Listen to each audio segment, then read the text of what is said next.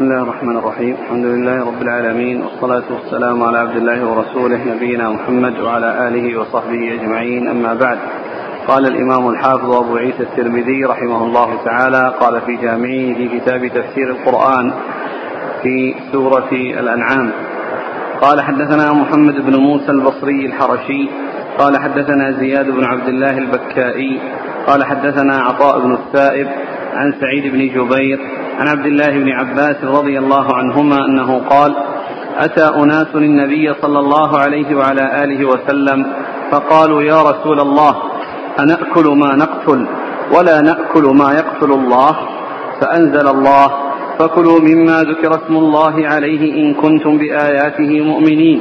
إلى قوله وإن أطعتموهم إنكم لمشركون. قال أبو عيسى هذا حديث حسن غريب. وقد روي هذا الحديث من غير هذا الوجه عن ابن عباس أيضا ورواه بعضهم عن عطاء بن السائب عن سعيد بن جبير عن النبي صلى الله عليه وآله وسلم مرسلا بسم الله الرحمن الرحيم الحمد لله رب العالمين وصلى الله وسلم وبارك على عبده ورسوله نبينا محمد وعلى آله وأصحابه أجمعين. أما بعد فهذا الحديث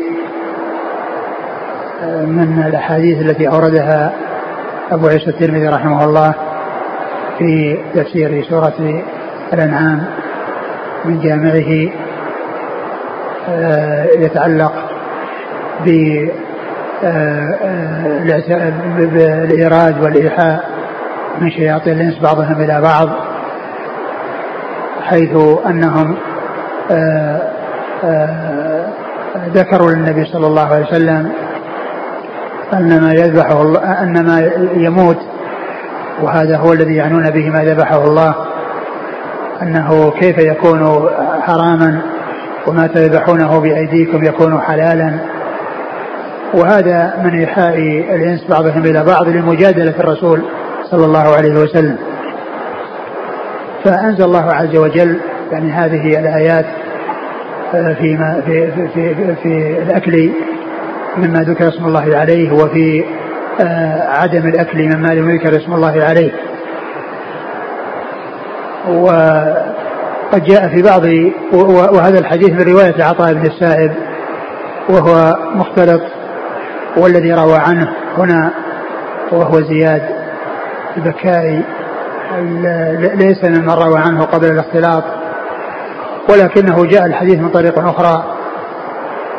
ليس فيها عطاء ابن السائب فيكون صحيحا يعني بهذا الاعتبار بحيث يضم يعني هذا إلى ذاك فيكون الحديث صحيحا في حصول مجادلة الكفار للرسول صلى الله عليه وسلم.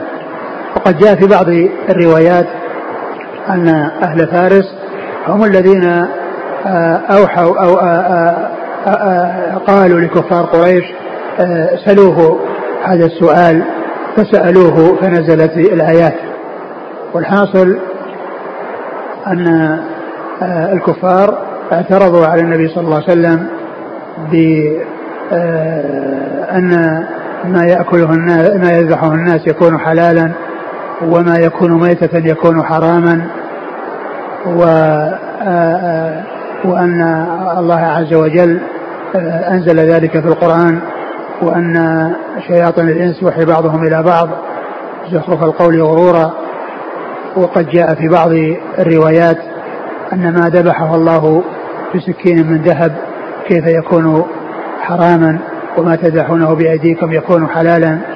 والحاصل أن الحديث في إسناده مقال ولكن الحديث الآخر الذي عند أبي داود وغيره وفيه وليس فيه عطاء بن السائب أقوى من هذا وأصح من هذا فيكون هذا بضمه إلى ذاك يكون ثابتا ويكون معتبرا. نعم.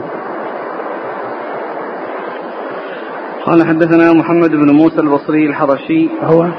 لين أخرج له الترمذي والنسائي. نعم. عن زياد بن عبد الله البكائي. وهو؟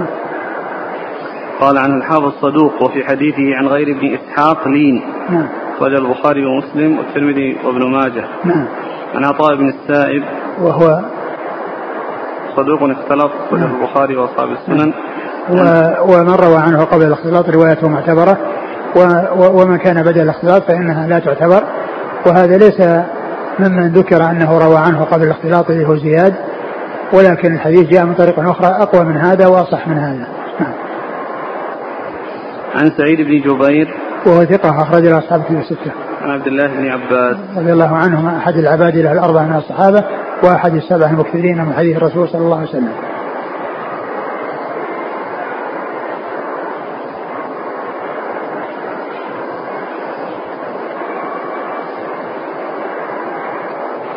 قال ورواه بعضهم عن عطاء بن السائب عن سعيد بن جبير عن النبي صلى الله عليه وسلم مرسلا يعني هذا طريق مرسل يعني جاء عن عطاء بن السائب مرسل ومتصل ومرفوع.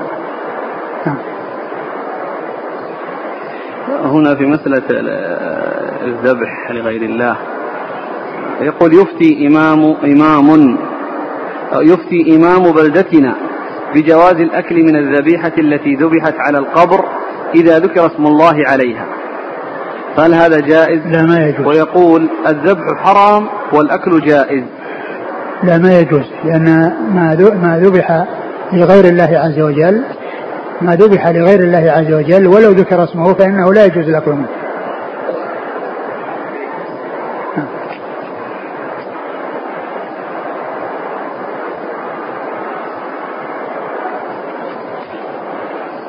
قال حدثنا الفضل بن الصباح البغدادي قال حدثنا محمد بن فضيل عن داود الأودي عن الشعبي عن علقمة عن عبد الله رضي الله عنه أنه قال من سره أن ينظر إلى الصحيفة التي عليها خاتم محمد صلى الله عليه وآله وسلم فليقرأ هذه الآيات. قل تعالوا أتل ما حرم ربكم عليكم. الآية إلى قوله لعلكم تتقون. قال أبو عيسى هذا حديث حسن غريب.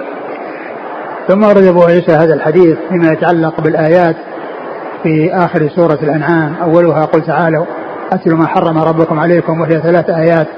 آخرها الآية الثالثة وأن هذا صراط مستقيم فاتبعوه ولا تتبعوا السبل فتفرق بكم عن سبيله ذلكم وصاكم به لعلكم تتقون.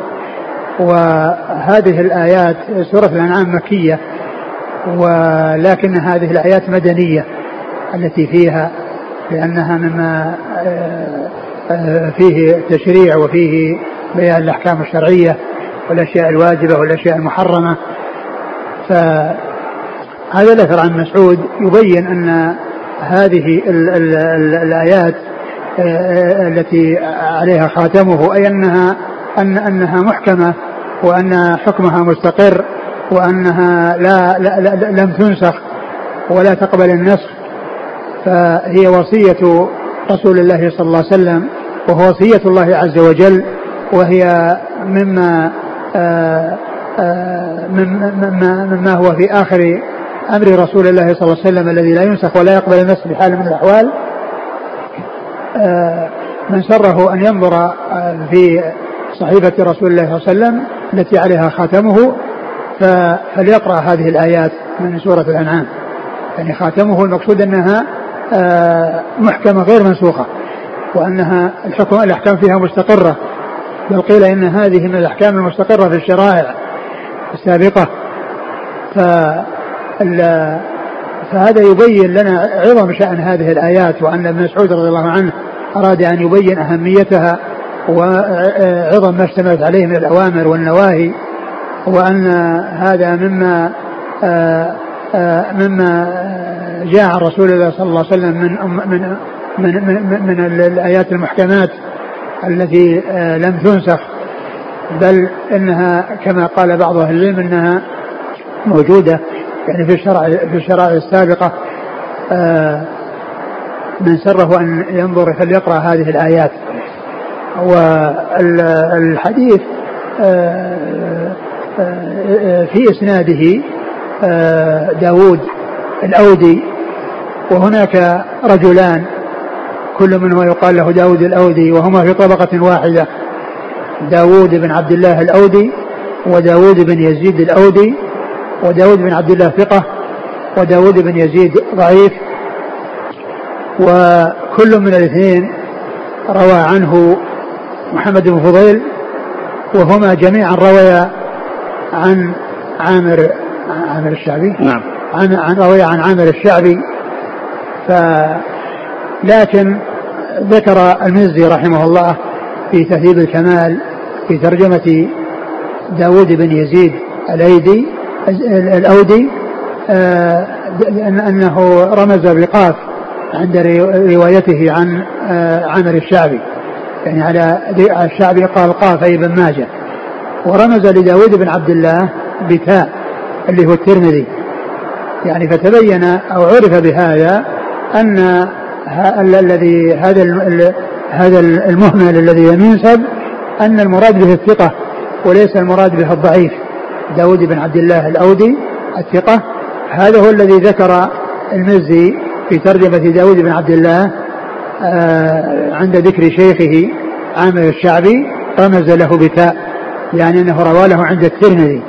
وأما محمد وأما داود بن, آه، بن يزيد الأودي فإنه رمز في ترجمته عند روايته عن شيخه عامر الشعبي كتب عليه قاف يعني أن روايته عنه عند ابن ماجه. فعلى هذا يكون الذي عند الترمذي هو داود بن عبد الله الذي هو الثقة وعلى هذا يكون الإسناد يعني مستقيما وصحيحا. يكون الإسناد مستقيما وصحيحا. والشيخ الألباني ضعف الحديث ضعف الإسناد قال ضعيف الإسناد. ولعل ولعله آه، رأى أو آه، يعني آه، أراد ب أن الإسناد هو داود بن يزيد. داود بن يزيد الذي هو الضعيف لكن كما ذكرت في كلام المزي أنه داود بن عبد الله. نعم. قال حدثنا الفضل بن الصباح البغدادي هو؟ ثقة أخرجه الترمذي بن ماجه. نعم. عن محمد بن فضيل. وهو بن غزوان صدوق أخرج له أصحاب كتب الستة. عن داود الأودي. وهو داود بن عبد الله الأودي ثقة أخرج له أصحاب السنن. نعم. عن الشعبي. عامر بن شراحيل الشعبي ثقة أخرج له أصحاب كتب الستة. عن علقمة. علقمة بن قيس النخعي ثقة أخرج أصحاب كتب الستة. عن عبد الله. عبد الله بن مسعود الهذلي رضي الله عنه صاحب رسول الله صلى الله عليه وسلم أخرج حديثه أصحاب كتب الستة. يقول السائل قال بعض شراح كتاب التوحيد إن هذا من ابن مسعود رد على ابن عباس في قوله إن الرزية كل الرزية في من, في من حال بين محمد وبين الكتابة. أي في آخر عمره. والأثر وأثر ابن عباس يقول في مسلم فما هو قولكم وما هو الدليل على ما ذكر؟ حديث ابن عباس هو في الصحيحين. في الصحيحين حديث آه، أورده البخاري في باب كتابة العلم. وهو الذي في أوله قال ائتوني بكتاب. يعني آه، أكتب لكم كتابا. لكن كونه رد عليه أنا لا أعرف يعني شيء لا أعرف شيء يدل على هذا ولا أعرف وجه ذلك. نعم. يقول ماذا يفيد قوله التي عليها خاتمه؟ المقصود بها أنها عليها نهايته وأنها مستقرة وأنها لم تنسخ. نعم.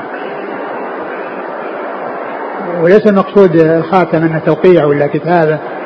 وإنما المقصود أن, أن, أن أنه حكم مستقر وأنه شيء آه، توفي الرسول صلى الله عليه وسلم وهو محكم وهو لا يقبل النسخ.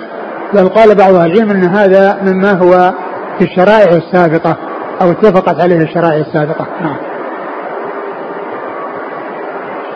هذه ورقة جاءت بس بدون مصدر يقول جاء التصريح في بعض طرق الحديث أن داود هو ابن يزيد الأودي. آه، في أي مكان؟ يعني ينبغي له أن يذكر لنا المكان الذي فيه هذا التصريح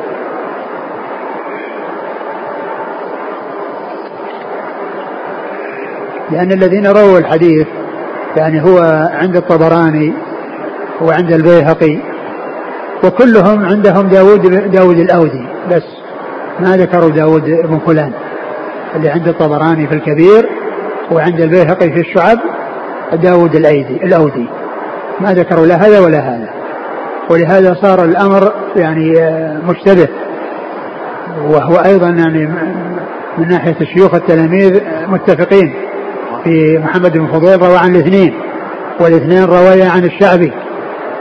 ولكن الشيء الذي ظهر به التمييز كون المزي في تهذيب الكمال رمز على آه، الشعبي في ترجمة داود بن عبد الله الأودي ورمز آه، على الشعبي في في ترجمة داود بن يزيد الأودي قاف. رمز له بقاف قاف اللي هو ابن ماجه. فهذا هو الذي أمكن الوصول إليه من التمييز. وإن كان أحد اطلع على إسناد آه، الحديث في أي كتاب من كتب الحديث وفيه التنصيص على آه، تسمية الأب لداود فليأتنا به وليدلنا عليه.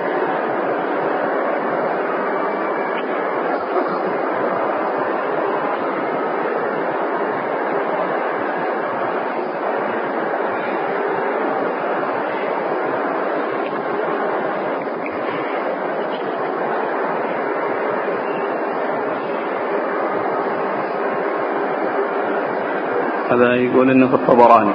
ها؟ يقول عند الطبراني. الطبراني تصريح بداود يزيد بداود بن يزيد. لكن في سنده شيخ وشيخ الطبراني وهو خالد السمتي وقال عنه الذهبي في الميزان ضعيف. الطبراني في أي كتب الطبراني؟ في أي مكان؟ يعني ما ذكر. المطلوب أن يذكر لنا مكانه عند الطبراني. أما مكانه عند الطبراني في الكبير يعني فيه داود الأودي. نعم. إيه، هذا النقل من الحاشية. هذا جامع الترمذي حققه عاد المرشد. وينقل بعض الأحكام. يعني قال هذا؟ في الحاشية أقرأ عليكم. وضعفه الشيخ ناصر ظنا منه. أن داود الأودي هو ابن يزيد الضعيف. ولعل الذي أوقعه في هذا أنه ورد منسوبا هكذا في المعجم الأوسط. للطبراني 1208 1208 أيوه نعم. لكنه من طريق خالد بن يوسف السمتي وهو ضعيف. أيه. وأما داود هذا فقد سماه الحافظ المزي في تهذيب الكمال داود بن عبد الله الأودي وهو ثقة. لعله يعني سماها يعني أنه ذكرها ما أدري كيف المقصود التسميه لأنه كل واحد يترجمه ولكن الكلام على يعني عن طريق الشيوخ كما ذكرت هو رمز للترمذي عند على عامر الشعبي في ترجمة داود بن عبد الله. ورمز في ترجمة داود بن يزيد على رمز على بن على عامر الشعبي قال يعني معناه أن الترمذي أن أن رواية داود بن يزيد الأودي عند ابن آه إنما هي عند ابن ماجه آه عند ابن ماجه. يعني رواية عن عن عامر الشعبي ورواية داود بن عبد الله الأودي عند الترمذي هي عن عامر بن شراحيل. عامر بن شراحيل. فكون رمز لكونه بتاء يعني معناه أن هذا هو المقصود. لكن التنصيص على على على, على هذا ما ما وإنما عرفت هذا عن طريق الرمز فقط. أما تحت الإشراف ما يفيدنا في هذا؟ نعم. تحت الإشراف ما يفيدنا؟ إيش؟ تحفة الأشراف. ما رجع تحت الإشراف ما رجع تحت الإشراف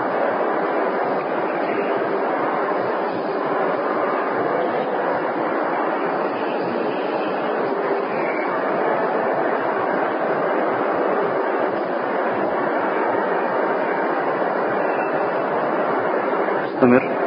نعم.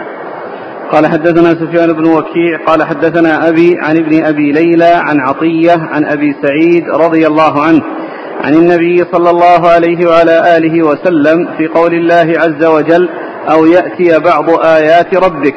قال طلوع الشمس من مغربها. قال أبو عيسى هذا حديث حسن غريب ورواه بعضهم ولم يرفعه. قال حدثنا عبد بن حميد قال حدثنا يعلى بن عبيد عن فضيل بن غزوان عن أبي حازم عن أبي هريرة رضي الله عنه عن النبي صلى الله عليه وعلى آله وسلم أنه قال ثلاث إذا خرجن لم ينفع نفسا إيمانها لم تكن آمنت من قبل. الآية الدجال والدابة وطلوع الشمس من المغرب أو من مغربها. قال أبو عيسى هذا حديث حسن صحيح. وأبو حازم هو الأشجعي الكوفي واسمه سلمان مولى عزة الأشجعية. ثم روي أبو عيسى هذين الحديثين في تفسير قول الله عز وجل هل ينظرون أن يأتيهم الله أن تأتيهم ملائكه أو يأتي ربك وياتي بعض آيات ربك. وأن بعض الآيات جاء في الأول الحديث الأول أنها طلوع الشمس من مغربها وجاء في الثاني أن هذه أن هذه الثلاث الآيات إذا خرجت فإنه لا ينفع نفسا إيمانها إذا لم تكن امنت من قبل إذا لم تكن امنت من قبل لأنه عند ذلك لا ينفع الإيمان هذا في آخر الزمان. كما أنه في آخر في في, في, في بالنسبة لكل إنسان عند عند عند خروج الروح وعند عند النزع وخروج الروح فإن هذا لا ينفع لا تنفع التوبة. يعني ففيه آه، شيء يتعلق بكل إنسان وفيه شيء يتعلق بآخر الزمان. والحديثان يتعلقان بعدم قبول التوبة وعدم يعني نفع الإيمان. إذا آه، إذا حصل آه، يعني هذه حصلت هذه الآيات أو بعض هذه الآيات. الحديث الأول فيه خروج الشمس مغربها والثاني فيه الأمور الثلاثة. أي أن هذه الأمور الثلاثة إذا خرجت لا ينفع نفسا إيمانها إذا لم تكن آمنت من قبل. والحديث الأول في إسناده ضعفاء والحديث الثاني صحيح وقد ورد أحاديث أخرى يعني صحيحة في الموضوع فيكون الحديث الذي في أسانيده ضعف آه، يصح آه، بغيره من الأحاديث الصحيحة في الباب. نعم.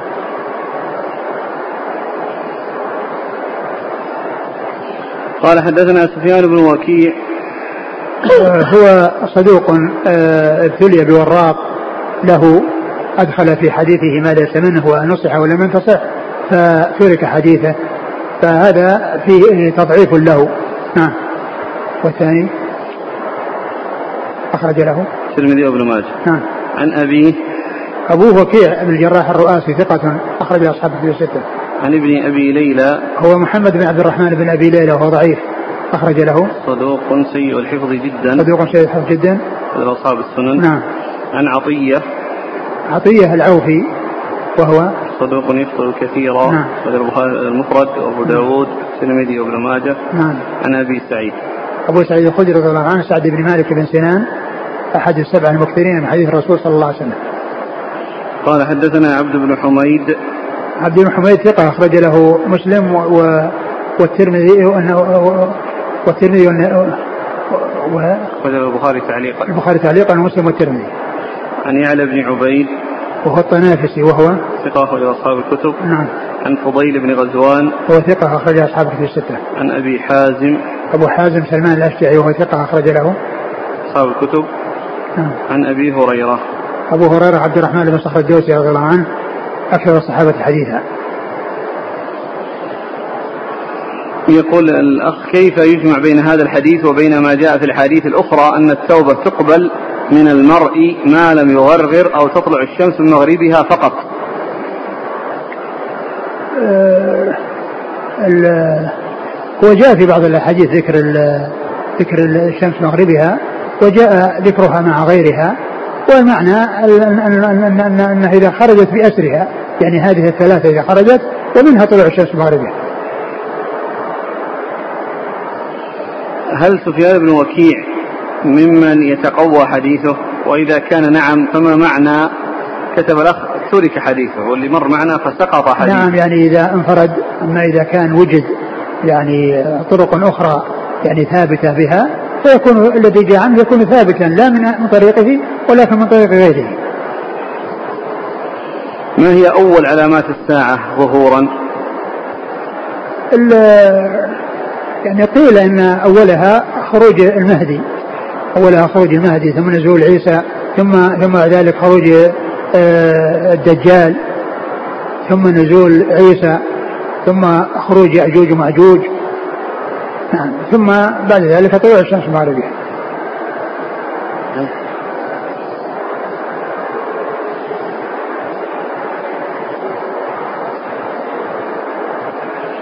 قال حدثنا ابن أبي عمر قال حدثنا سفيان عن أبي الزناد عن الأعرج عن أبي هريرة رضي الله عنه أن رسول الله صلى الله عليه وعلى آله وسلم قال قال الله عز وجل وقوله الحق إذا هم عبدي بحسنة فاكتبوها له حسنة فإن عملها فاكتبوها له بعشر أمثالها وإذا هم بسيئة فلا تكتبوها فإن عملها فاكتبوها بمثلها فإن تركها وربما قال لم يعمل بها فاكتبوها له حسنة.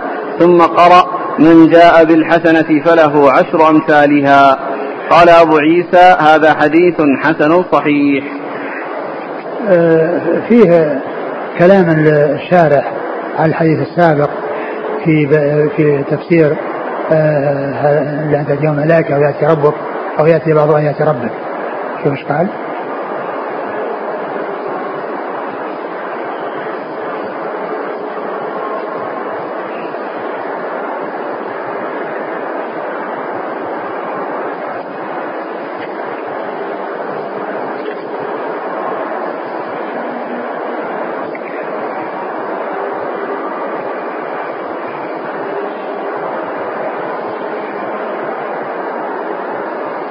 لما قال أو يأتي ربك أي أمره بمعنى عذابه.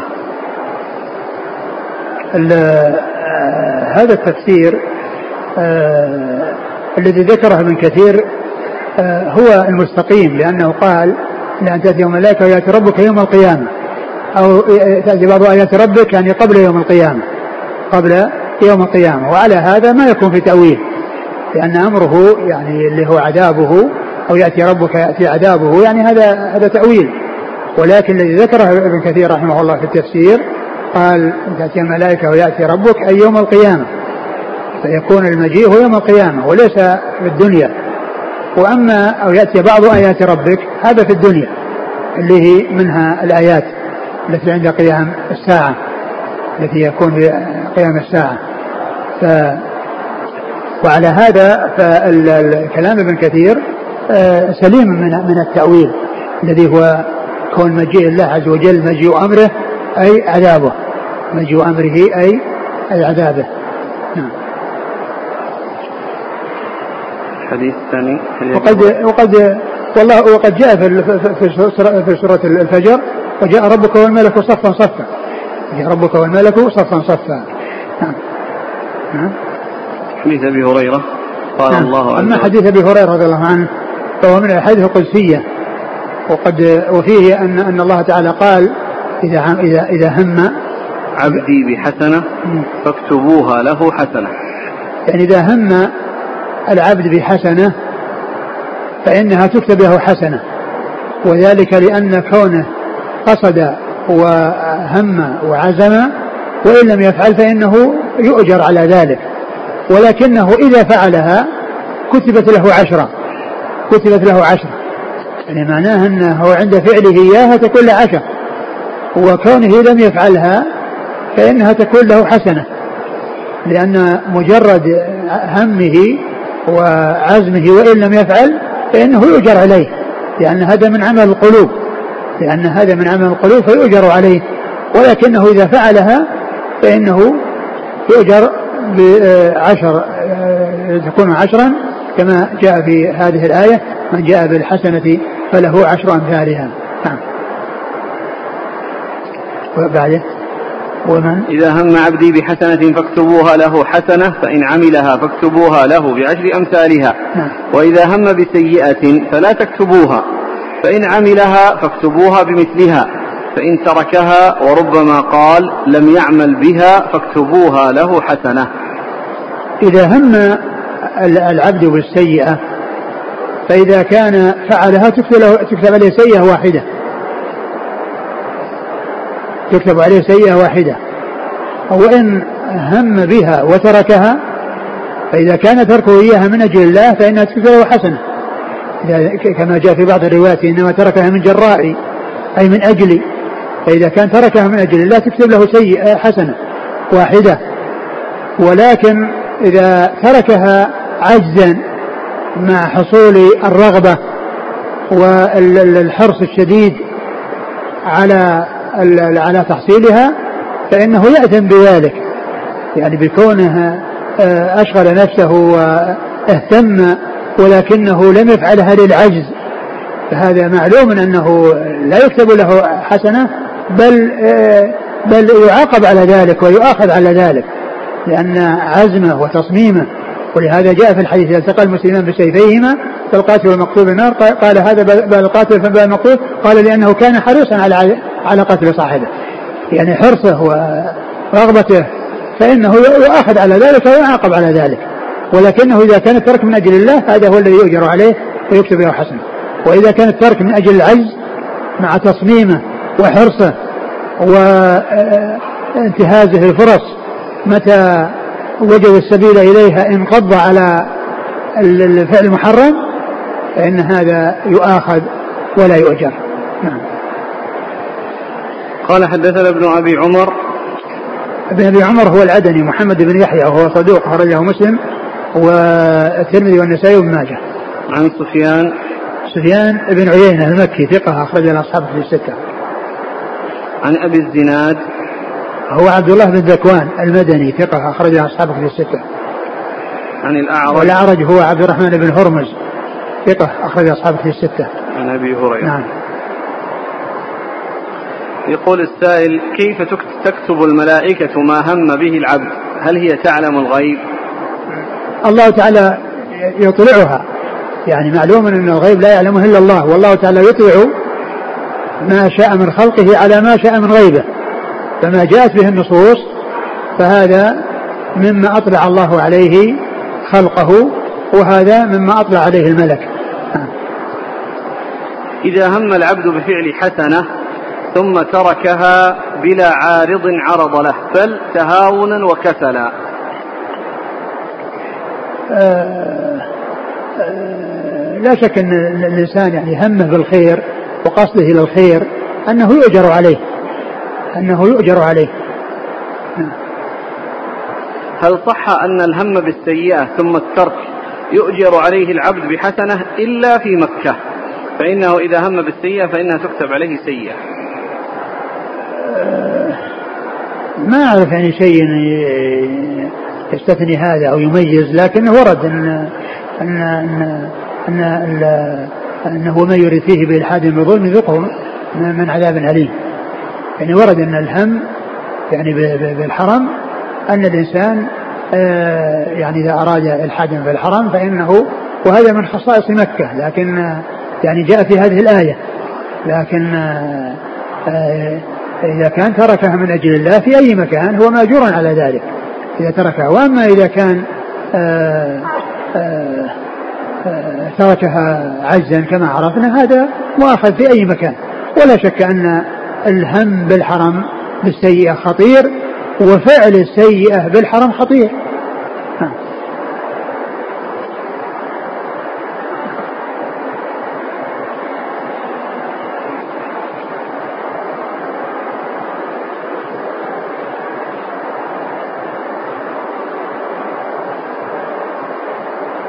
هل هناك فرق بين الهم والخطرة؟ نعم في فرق. الخطر يعني شيء يعرض والشيء الهم يعني فيه القصد واتجاه. في أشياء تخطر على البال دون أن يكون الإنسان أرادها.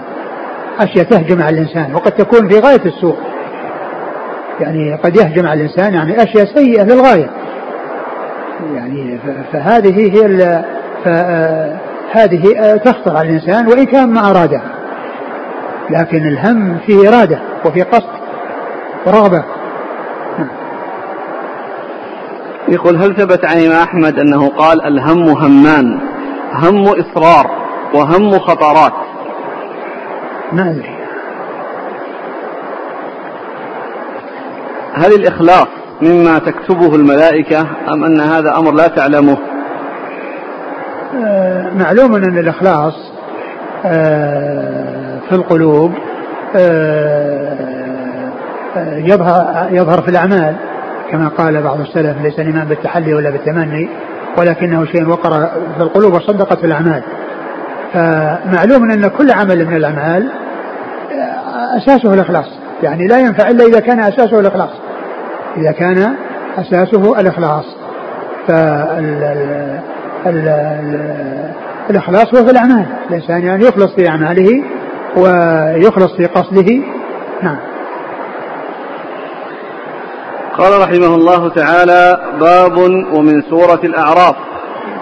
قال حدثنا عبد الله بن عبد الرحمن قال أخبرنا سليمان بن حرب قال حدثنا حماد بن سلمة عن ثابت عن أنس رضي الله عنه أن النبي صلى الله عليه وعلى آله وسلم قرأ هذه الآية.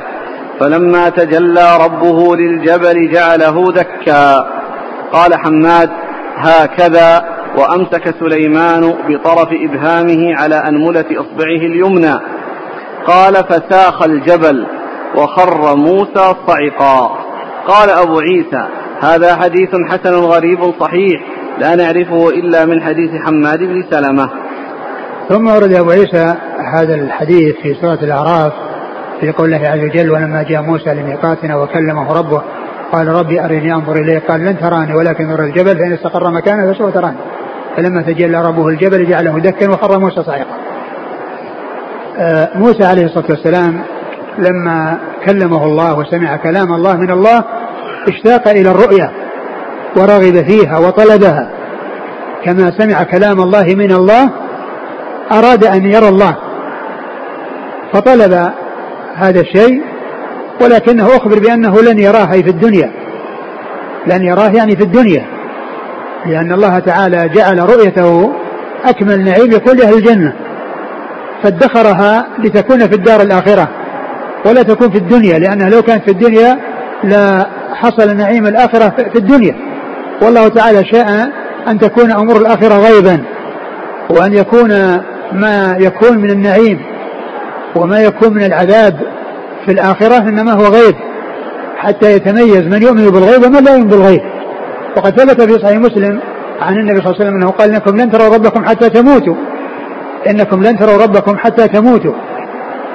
فإذا رؤية الله عز وجل تكون في الدار الآخرة. قول لن تراني يعني في الدنيا.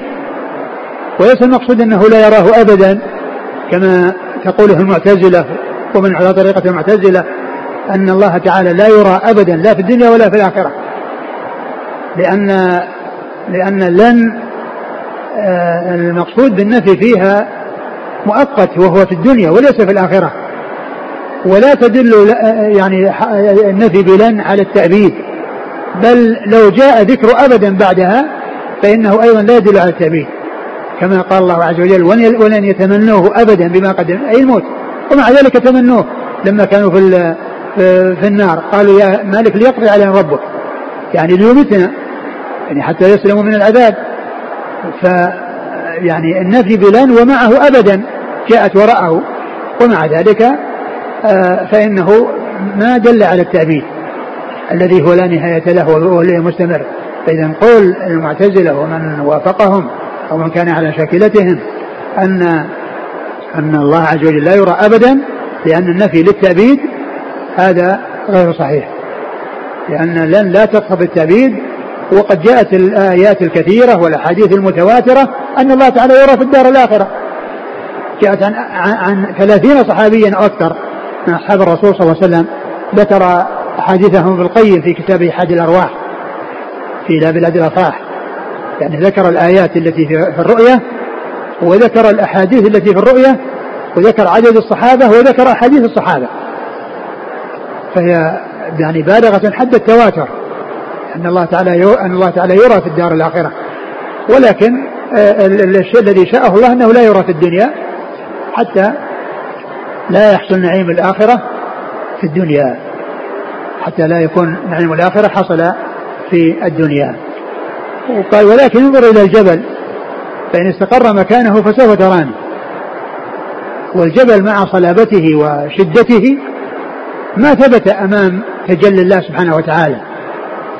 والحديث الذي ذكر ورد فيه أن التجلي حصل هو أدنى تجلي وأشار وفيه إشارة إلى آه إلى أدنى شيء حصل في التجلي وأن آه أنه جاء في بعض الروايات أنه جعل إبهامه على طرف آه خنصره وأنه لما تجلى يعني الله عز وجل بهذا بهذا الذي هو أدنى تجلي الجبل اندك ويعني آه، تلاشى.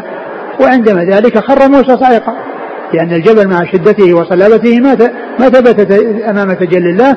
فالإنسان الذي هو من لحم ودم هو أو أولى بأن بأن لا يثبت.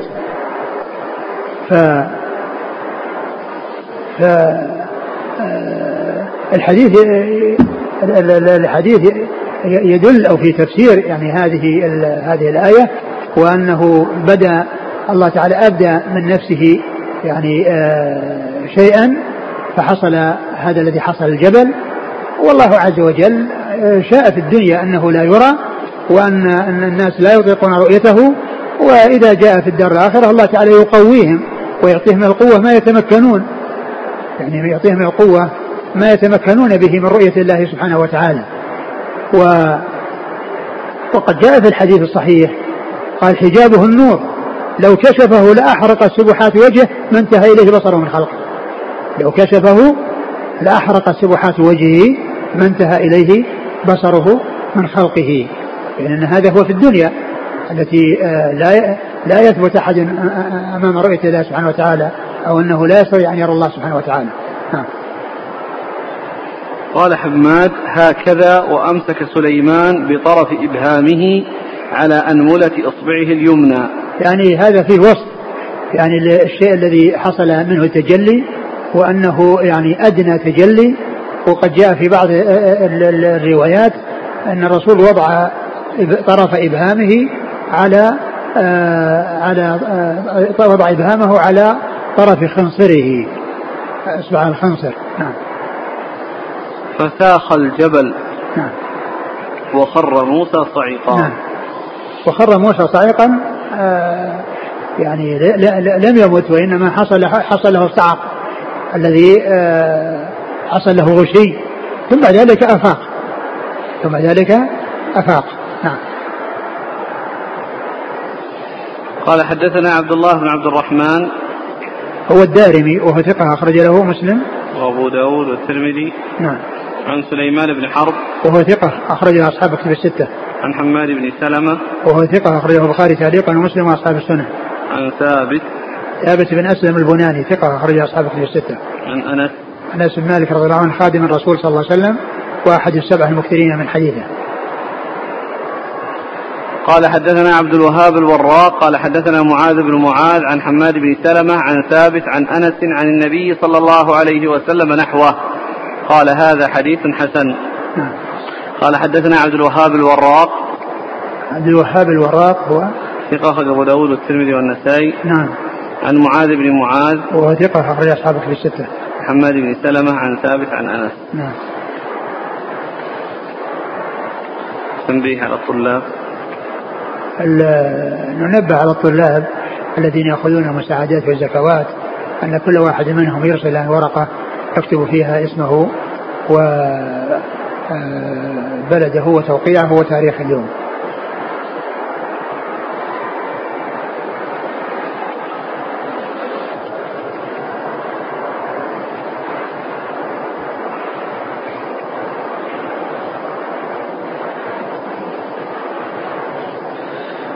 يقول السائل ما معنى تجلى ربه؟ هو النظر أو التوجه أو شيء آخر؟ يعني تجلى الله بذاته. يعني يعني أظهر الله من ذاته. يعني هذا الذي هو أدنى شيء حصل منه هذا الذي حصل للجبل وهو كونه ساخ ولموسى كونه صاعق.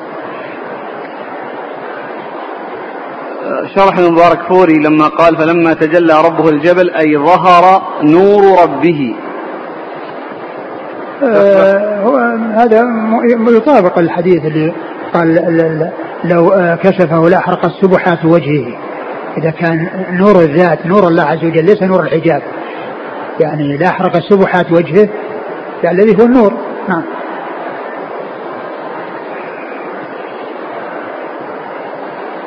يقول الذي الذي هو نور الذات وليس نور الحجاب. نعم. لأن لأن الرسول صلى الله عليه وسلم قال حجابه النور. يعني الحجاب نور. لو كشفه يعني أزيل الحجاب لأحرقت سبحات وجه الله ما انتهى إليه بصره من خلقه.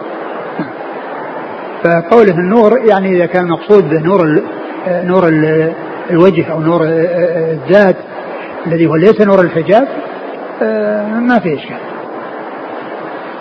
يقول أشكل علي القول في الحديث وأمسك سليمان بن حرب. فهل هذا من فعل النبي صلى الله عليه وسلم؟ هو جاء في بعض الروايات من فعله صلى الله عليه وسلم أنه وضع على طرف آه، الخنصر وتعيين الخنصر. نعم. يقول الرؤية تتطلب رؤية الشيء محددا بدايته ونهايته. فكيف يكون ذلك مع الله؟ بين ذلك رسول الله صلى الله عليه وسلم أن الناس يرون كما يرون القمر ليلة البدر.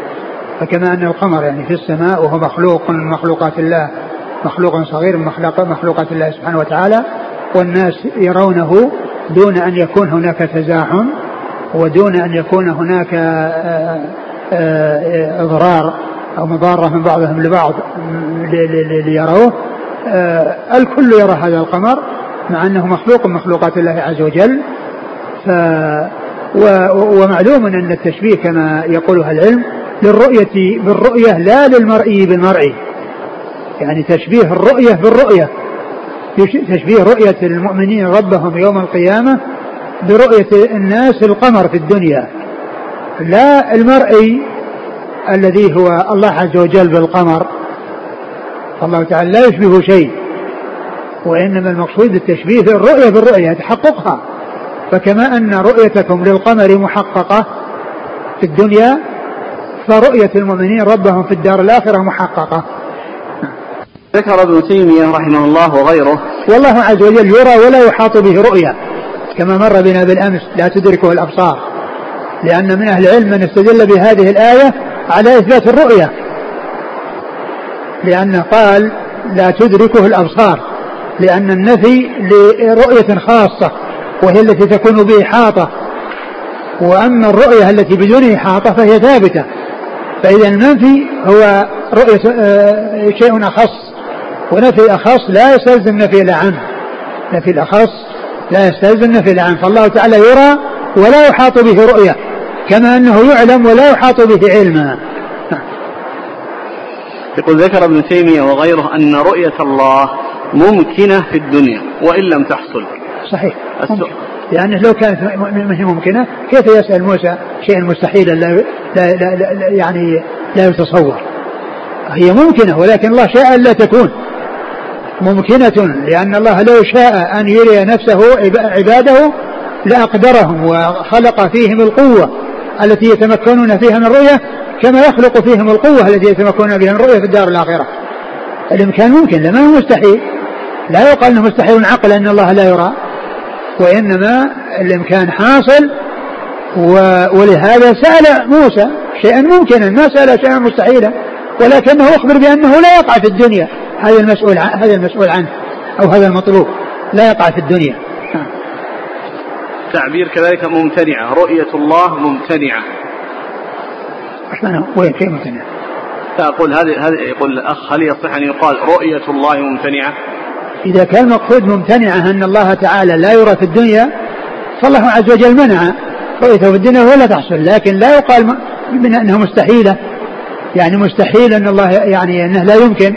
هو ممكن ولكن الله شاء أن لا يكون. هو ممكن ولكن شاء الله أن لا يكون. ذلك الممكن لأنه شاء أن لا يرى إلا في الدار الآخرة. ولو كانت الرؤية مستحيلة لا يمكن حصولها أبدا.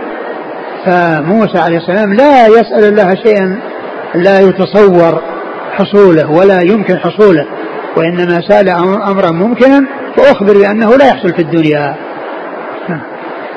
هو يسأل عن هذا التعبير الآخر وهو ما رأيكم في من يقول بعدم إمكانيتها لعدم مشيئة الله لها في الدنيا هذا صحيح يعني هي يعني آه لا يمكن حصولها لأن الله تعالى لم يشأها آه لكن كونها آه في حد ذاتها لا يقال أنها مستحيلة لا يتصور وجودها وجودها متصور متصور لو شاء الله لكن الله تعالى شاء ألا تكون فإذا لا تحصل ولا تقع في الدنيا.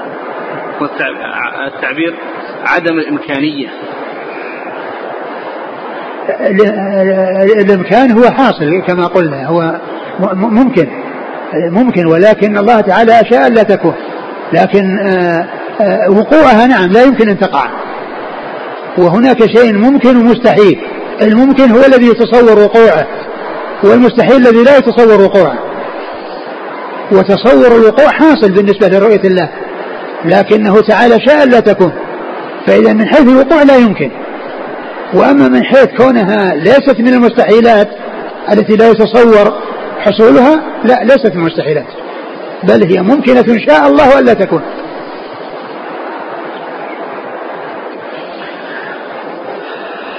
قال حدثنا الأنصاري قال حدثنا معا قال حدثنا مالك بن أنس عن ابن أبي أنيسة عن عبد الحميد بن عبد الرحمن بن زيد بن الخطاب عن مسلم بن يسار الجهني أن عمر بن الخطاب رضي الله عنه سئل عن هذه الآية. وإذ أخذ ربك من بني آدم من ظهورهم ذريتهم وأشهدهم على أنفسهم ألست بربكم؟ قالوا بلى. شهدنا أن تقولوا يوم القيامة إنا كنا عن هذا غافلين. قال عمر بن الخطاب سمعت رسول الله صلى الله عليه وعلى آله وسلم يسأل عنها. فقال رسول الله صلى الله عليه وعلى آله وسلم إن الله خلق آدم ثم مسح ظهره بيمينه فأخرج منه ذرية فقال خلقت هؤلاء للجنة وبعمل أهل الجنة يعملون. ثم مسح ظهره فأخرج منه ذرية فقال خلقت هؤلاء للنار وبعمل أهل النار يعملون. فقال رجل يا رسول الله ففيما العمل؟ قال فقال رسول الله صلى الله عليه وآله وسلم إن الله إذا خلق العبد للجنة استعمله بعمل أهل الجنة حتى يموت على عمل من أعمال أهل الجنة فيدخله الجنة. وإذا خلق العبد للنار استعمله بعمل أهل النار حتى يموت على عمل من أعمال أهل النار فيدخله الله فيدخله الله النار. قال أبو عيسى هذا حديث حسن ومسلم بن يسار لم يسمع من عمر وقد ذكر بعضهم في هذا الإسناد بين مسلم بن يسار وبين عمر رجلا مجهولا. قال حدثنا عبد بن حميد قال حدثنا أبو نعيم قال حدثنا هشام بن سعد عن زيد بن أسلم عن أبي صالح عن أبي هريرة رضي الله عنه أنه قال قال رسول الله صلى الله عليه وعلى آله وسلم لما خلق الله آدم مسح ظهره فسقط من ظهره كل نسمة هو خالقها من ذريته إلى يوم القيامة. وجعل بين عيني كل إنسان منهم وبيصا من نور ثم عرضهم على آدم فقال أي ربي من هؤلاء؟ قال هؤلاء ذريتك. فرأى رجلا منهم فأعجبه وبيص ما بين عينيه فقال أي ربي من هذا؟ فقال هذا رجل من آخر الأمم من ذريتك يقال له داود. فقال ربي كم جعلت عمره؟ قال ستين سنة. قال أي ربي زده من عمري أربعين سنة. فلما قضي عمر فلما قضي, قضي عمر عمر عمر آدم جاءه ملك الموت. فقال أولم يبق من عمري أربعين أولم يبق من عمري أربعون سنة؟ قال أولم تعطها ابنك داود؟ قال فجحد آدم فجحدت ذريته ونسي آدم فنسيت ذريته وخطئ آدم فخطئت ذريته. قال أبو عيسى هذا حديث حسن صحيح وقد روي من غير وجه عن أبي هريرة عن النبي صلى الله عليه وآله وسلم. ثم رد أبو عيسى هذين الحديثين عن عمر وعن أبي هريرة رضي الله تعالى عنهما يتعلقان بهذه الآية وإذا أخذ ربك من بني آدم من ظهورهم ذريتهم وأشهدهم على أنفسهم. ألست بربكم؟ الآية. يعني هذه هذا الأخذ أو الميثاق الذي جاء في هذه الآية جاء في بعض الأحاديث التفسير تفسيره بأن هذا في في عالم الذر يعني عندما مسح خلق الله آدم ومسح يعني آه ظهره وخرج منه آه جميع ذريته وجعلهم بين يديه فمنهم من هو شقي ومنهم من هو سعيد والسعيد يوفق لأعماله الجنة والشقي آه، آه، يسر لعمل من أعمال أهل النار فينتهي هذا إلى ما انتهى إليه هذا. وجاء في بعض الأحاديث آه، أن هذه الآية آه، متعلقة بأخذ الميثاق في ذلك الوقت الذي هو عندما خرجوا كالذر ونثروا بين يديه بين يدي آدم عليه الصلاة والسلام. والآية جاء فيها من من ظهورهم ذريتهم من ظهورهم ذريتهم وأن وأن استخراج آه، من الظهور وأن أخذ الميثاق إنما هو عليهم بعد ولادتهم. ولهذا يقول العلماء إن أن الآية تدل على أخذ الميثاق آه، بما نصبه الله عز وجل من البراهين والعلامات الدالة على الله عز وجل وعلى أن وعلى آه، أنه المستحق العبادة وحده لا شريك له. وأن وبعض الأحاديث جاءت في أن أخذ الميثاق لما كانوا في عالم الذر ولا تنافي بينها لأن الأحاديث جاء منها ما صح في أخذ الميثاق يعني في الأول. والآية تدل على أن الأخذ إنما هو إخراجهم من, من ظهور يعني آبائهم من بني آدم من ظهورهم يعني من ظهور بني آدم يعني ذريتهم. فيكون كل من الاثنين قد حصل. ولهذا في كتب التفسير يذكرون. اقرا الحديث الأول. المتن أن عمر بن الخطاب رضي الله عنه سئل عن هذه الآية وإذ أخذ ربك من بني آدم من ظهورهم ذريتهم وأشهدهم على أنفسهم لست بربكم؟ قالوا بلى شهدنا أن تقولوا يوم القيامة إنا كنا عن هذا غافلين. قال عمر بن الخطاب سمعت رسول الله صلى الله عليه وسلم يسأل عنها فقال صلى الله عليه وسلم إن الله خلق آدم ثم مسح ظهره بيمينه فأخرج منه ذرية. فقال خلقت هؤلاء للجنة وبعمل أهل الجنة يعملون. ثم مسح ظهره فاستخرج منه ذرية فقال خلقت هؤلاء للنار وبعمل أهل النار يعملون. فقال رجل يا رسول الله ففيما العمل؟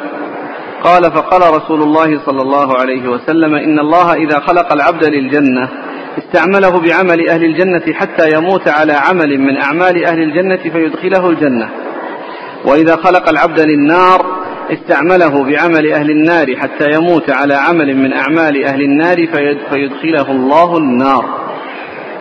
نعم هذا الحديث يعني فيه أن عمر رضي الله عنه سئل عن هذه الآية وأخبر أن الرسول سئل عنها وأنه قال إن الله لما خلق آدم مسح ظهره فأخرج منه ذرية مسحه بيمينه فقال هؤلاء الجنة وبعمل الجنة يعملون ثم مسحه آه، فظهر منه ذرية قال هؤلاء النار وبعمل أهل النار يعملون ثم سئل كيف يكون ذلك بالنسبة لهؤلاء وهؤلاء فقال إن الإنسان إذا آه، كان من أهل الجنة فإنه يسر لعمل من أعمال أهل الجنة يكون عليه حتى يموت عليه ويكون من الجنة. وإذا كان من أهل النار فإنه يسر لعمل من أعمال النار يكون عليه ويستمر عليه حتى يموت عليه ويكون من أهل النار ويكون من أهل النار. والحديث في إسناده ضعف فيه رجل آه، يعني آه، مبهم أو ساقط وفيه رجل يعني متكلم فيه الذي يروي عن هذا الساقط. ففي إسناده ضعف ولكن جاء أحاديث أخرى تدل على أن تفسير الآية بهذا وأن وأن الميثاق أخذ عليهم لما كانوا آه، على هذه الهيئة التي هي كونهم آه، على هيئة الذر يعني آدميين على أشكال الذر وعلى هيئة الذر أو على حجم الذر وهم آه، يعني على شكل على شكلهم يعني شكل بني آدم ولكنهم حجمهم صغير كالذر نعم. والثاني هو كان انقطع الكلام لكم على الأذان أن أهل التفسير في كتبهم يذكرون. نعم ذكروا الاثنين. أهل التفسير يذكرون الأخذ في عالم الذر والأخذ بعد الظهور من من ظهور الذرية يعني بعد وجودهم في هذه الحياة الدنيا بما فطرهم الله عز وجل عليه وبما يعني يحصل من آه، انحرافهم عن عن عما فطروا عليه. وعما نصبه الله عز وجل من الدلائل الدالة على وحدانيته وعلى ألوهيته وأنه المستحق للعبادة وحده لا شريك له. كما يقول الشاعر وفي كل شيء له آية تدل على أنه واحد.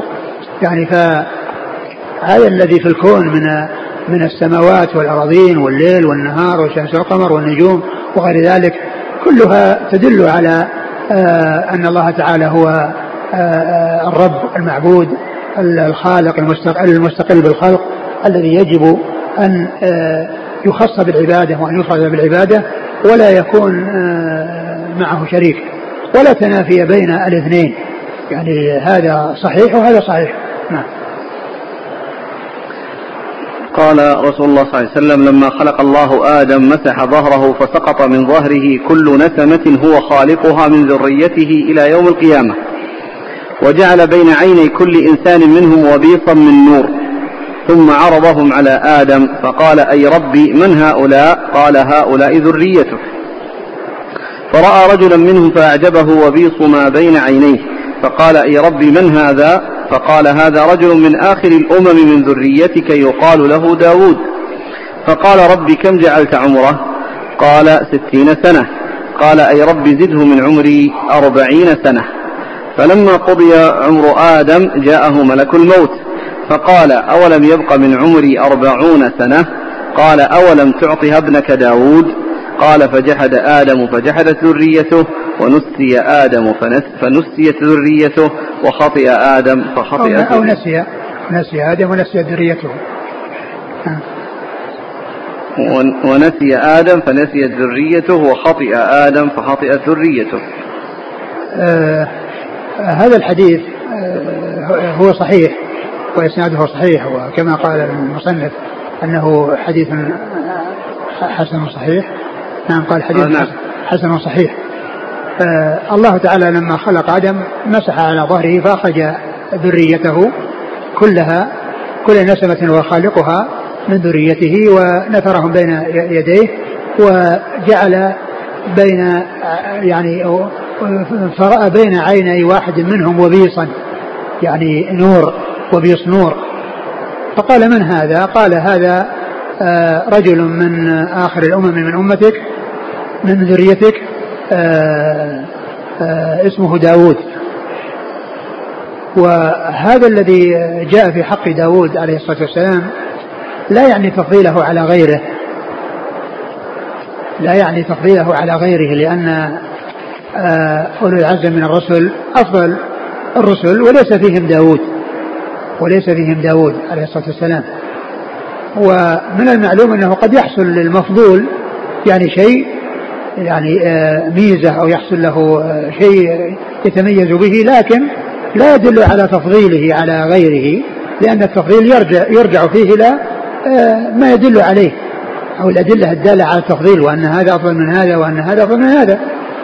أما مجرد كونه حصل له ميزة فهذا لا لا يدل على التفضيل مثل الصحابة رضي الله عنهم وأرضاهم يعني حصل لبعضهم ميزات تميزوا بها ومع ذلك لا لا يفضلون على أبي بكر وعمر. لا يفضلون لأن لأنه يدل على الفضل لا على الأفضلية. لأن ما يحصل له يقال له يدل على الفضل لا على الأفضلية. وقيل إن هذا الذي حصل لداود من كونه جعل بين عينيه وبيص. قيل لعل ذلك لأنه آه، آه، جاء القرآن بكونه خليفة في الأرض كما كان آدم لأن آدم قال الله عز وجل وإذ ربك الملك إني جاعل في الأرض خليفة. وقال الله في حق داود يا داود إنا جعلناك خليفة في الأرض. يا داود إنا جعلناك خليفة في الأرض. فقيل يعني لعل ذلك لكونه كل منهم وصف بالخلافة يعني في الأرض وآدم وصف بهذا وداود وصف بهذا والله تعالى أعلم. ثم إن أن أن آدم سأل عن عمر عن عمره عن عمر داود وقال إنه يضيف إليه أربعين سنة من عمره. ولما مضى آه، عمر آه، آدم عليه الصلاة والسلام ولم يبقى منه إلا أربعون جاءه ملك الموت فقال ألم يبقى من عمري أربعون قال لم تعطها ابنك داود فجحد آدم وجحد ذريته ونسي آدم ونسي ذريته. يعني لأنه لأنه آه، آه، قال ألم يبق من عمري؟ يعني ذاك الشيء الذي سبق أن أعطاه إياه كأنه نسيه فقيل جحد آدم وجحد ذريته ونسي آدم ونسي ذريته وخطئ آدم وخطئ ذريته. يعني حصل منه الخطأ وحصل الخطأ للذرية. ومعلوم أن آدم عليه الصلاة والسلام أمر أو نهي عن الأكل من الشجرة فأكل منها وحصل منه تلك الخطيئة ولكن الله عز وجل اجتباه وهداه وتاب وتاب عليه فلم تؤثر تلك الخطيئة فيه. فكان شأن أمته أنهم أنهم يحصل منهم الخطأ. وفيهم من يتوب ويتوب الله عليه وفيهم من يستمر على خطئه خطئه وإذا كان ذلك الخطأ دون الشرك فلا يخلو إما أن يتوب الله عز وجل ويتجاوز ولا يعذب من كان كذلك وإن كان شاء أن يعذب من حصل منه الخطأ الذي يستحق عليه العذاب فإنه يعذب على قدر خطئه ثم بعد ذلك لا يخلد في النار وإنما يخرج منها ويدخل الجنة نعم. قال حدثنا الأنصاري. هو مو إسحاق بن موسى وهو ثقة أخرجه مسلم والترمذي والنسائي بن ماجه. نعم. عن معن. معن بن عيسى ثقة أخرج أصحاب في الستة. عن مالك بن أنس. مالك بن أنس إمام دار الهجرة المحدث الفقيه. أحد أصحاب المذاهب الأربعة المشهورة من مذاهب السنة وحديثه عند أصحاب الكتب الستة. عن ابن أبي أنيسة. وابن أبي أنيسة هو يعني زيد بن أبي أنيسة ثقة أخرج له أصحاب الكتب الستة. عن عبد الحميد بن عبد الرحمن بن زيد بن الخطاب وهو ثقة أخرج أصحاب الكتب. نعم. عن مسلم بن يسار الجهني وهو مقبول. أخرج أبو داود والترمذي والنسائي. نعم. عن عمر بن الخطاب.